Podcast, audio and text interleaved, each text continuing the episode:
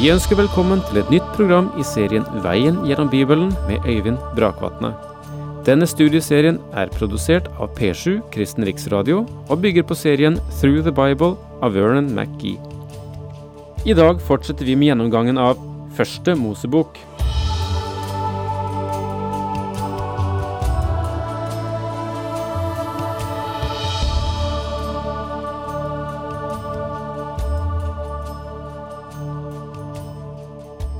Vi begynte sist akkurat på det 45. kapittel i Første Mosebok. Rakk så vidt å gå inn i det, der Josef åpenbarer sin identitet for sine brødre. Han har satt dem på en rekke prøver, men nå er de ferdig, og så bryter han igjennom, bryter ut i gråt, så høyt at eh, det blir hørt også borte hos farao, når han gir seg til kjenne for sine brødre. Og jeg tror vi bare går inn der i det andre verset i det 45. kapittelet i Første Mosebok. Han satte i å gråte så høyt at egypterne hørte det, ja, de hørte det til med i faraos hus. Og denne gangen klarte altså ikke Josef å komme ut av rommet som han hadde gjort en gang før. Han bare bryter sammen og begynner å gråte. Ingen vet hvorfor uten Josef selv, hans brødre kjenner jo ikke egentlig til bakgrunnen, og tjenerne vet det vel stort sett heller ikke. Men nå har Josef prøvet dem, og alt er i orden. Får jeg nå knytte an her og si at det kommer en dag da den Herre Jesus Kristus skal gjøre seg kjent for sine brødre, nemlig jødefolket. En dag når dekket tas bort. Da han kom første gang, kom han til sine egne, men hans egne tok ikke imot ham. Nei, de overga ham til å bli korsfestet.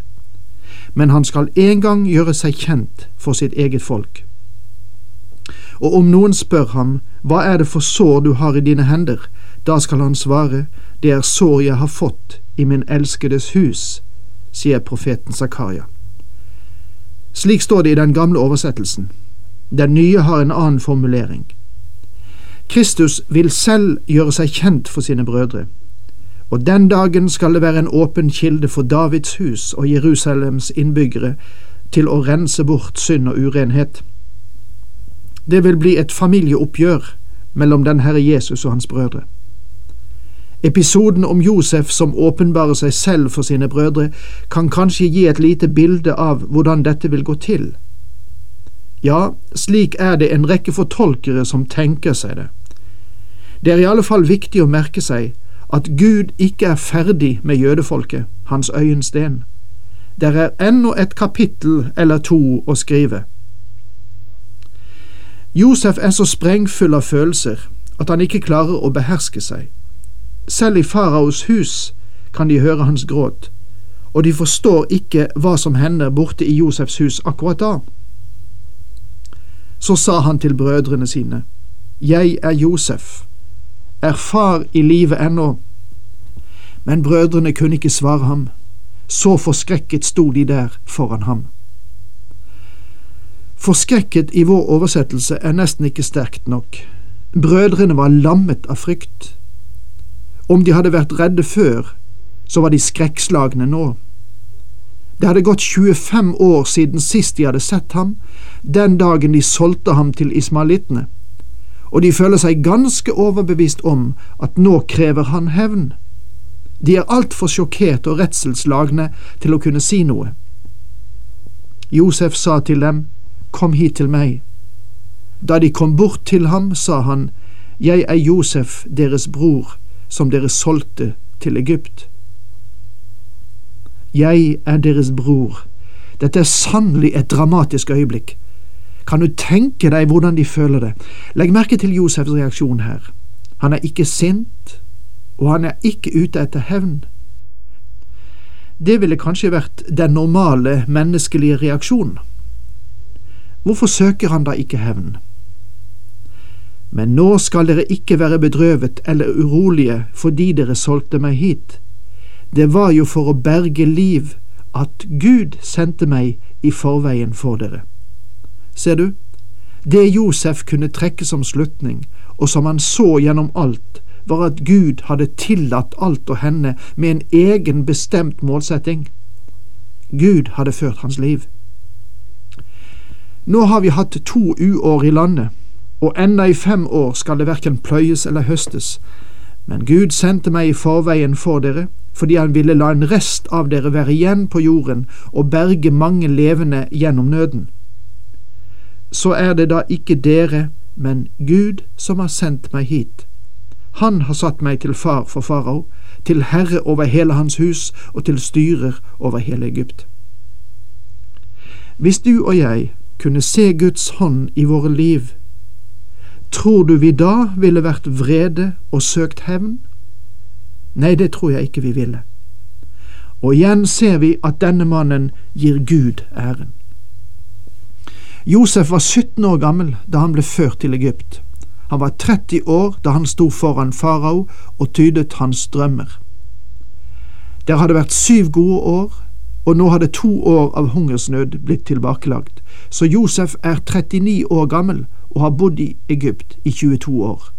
Han ser Guds hånd i alt dette. Skynd dere nå hjem til far og si, så sier din sønn Josef, Gud har satt meg til herre over hele Egypt, kom ned til meg og dryg ikke, du skal få bo i Gosen og være i nærheten av meg, både du og dine barn og dine barnebarn, med ditt småfe og storfe og alt det du eier. Og jeg skal sørge for deg der, for det kommer enda fem uår, så verken du eller ditt hus eller noen av dine skal lide nød.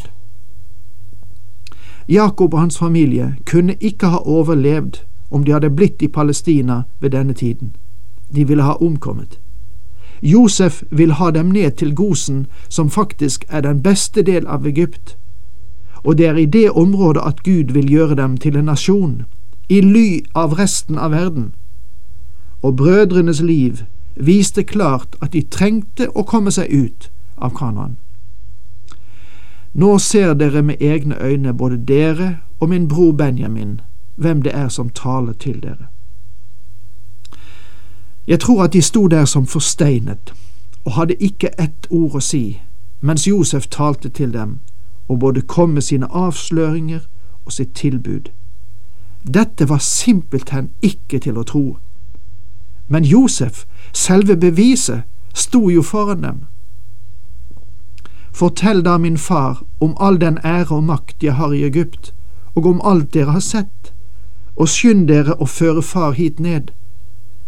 Så kastet Josef seg om halsen på sin bror Benjamin og gråt, og Benjamin gråt i armene hans. Dette er en øm og var scene mellom disse to brødrene. Josef og Benjamin er begge bemerkelsesverdige menn. Han kysset alle sine brødre og gråt mens han omfavnet dem. Siden talte hans brødre med ham. De andre brødrene var overveldet, men nå begynner de å gjenvinne fatningen, og så har de en lavmælt samtale. Og så begynner nyheten å spre seg. Da det spurtes i faraos gård at Josefs brødre var kommet, ble farao og hans menn glade. Det var uvanlig mye bråk i Josefs hus, og folk omkring kunne høre det. Farao ville vite hva som gikk for seg, og jeg går ut fra at han spurte en av tjenerne fra Josefs hus hva i all verden som foregikk. Og kanskje tjeneren svarte vel, du kjenner til de elleve menn som kom hit fra Kanan, de er Josefs brødre. Det gledet farao. Hvorfor kunne det glede ham? Husk at farao antagelig var en Hyksos konge, og dermed av samme rase som Josef og hans familie. Han hadde ikke kunnet stole på egypterne for mye, og var meget fornøyd med Josefs trofasthet. Så han gledet seg over at det antagelig ville komme flere av samme støpning. Farao sa til Josef, si til brødrene dine, slik skal dere gjøre, less på dyrene deres og dra hjem til Kanan. Så skal dere ta deres far og familiene deres og komme til meg. Jeg vil gi dere det gode som fins i Egypt. Dere skal få spise av det beste i landet. Og du skal si til dem at dette skal de gjøre, ta med vogner fra Egypt til kvinner og barn, hent så deres far, og kom hit. Merk dere at farao ga ordre til at det skulle sendes vogner med dem. Hjulet var litt av en oppfinnelse, og disse mennene fra Kanan brukte ennå ikke vogner. Men egypterne lå teknisk sett langt foran dem. Dere skal ikke kvie dere for å reise fra det dere eier, for det beste som fins i hele Egypt, det skal tilhøre dere. Dere behøver ikke å ta med dere noe, her skal dere få alt det dere trenger til. Israels sønnene gjorde så. Josef ga dem vogner, som farao hadde sagt, og lot dem få niste med på veien. De fikk alle hver sin festkledning, men Benjamin ga han 300 sekel sølv og fem festkledninger. Likedan sendte han sin far ti esler med noe av det beste som fantes i Egypt, og ti eselhopper med korn og brød og mat for faren på reisen. Så tok Josef farvel med brødrene sine, og de dro av sted. Han sa til dem, La det ikke bli tretting på veien. Så dro de opp fra Egypt og kom til sin far Jakob i Kanaan. De bar fram budet til ham og sa, Josef er ennå i live, han er til med styrer over hele Egypt. Men faren var uberørt, for han trodde dem ikke. Han kunne simpelthen ikke tro at det var sant. Men så fortalte de ham alt det Josef hadde sagt dem, og han fikk se vognene Josef hadde sendt til å hente ham i.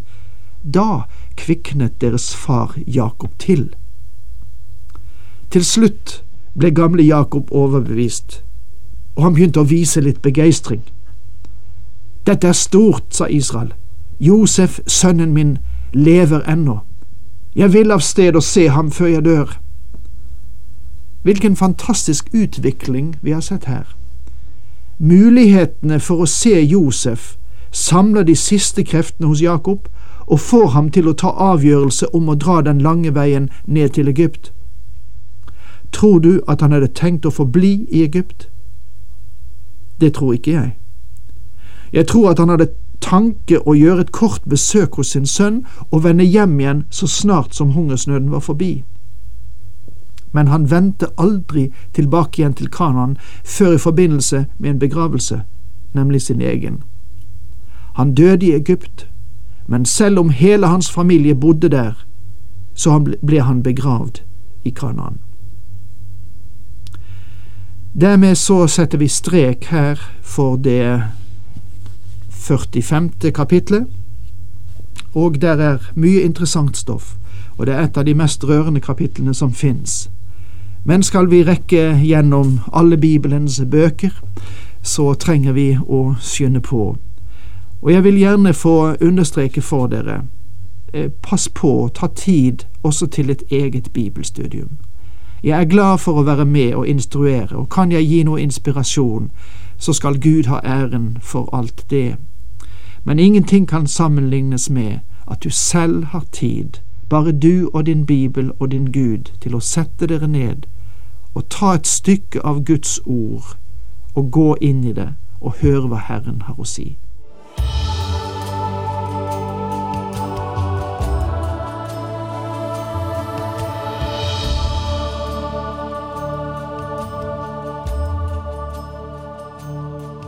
Du hørte Øyvind Brakvatne i studieserien Veien gjennom Bibelen.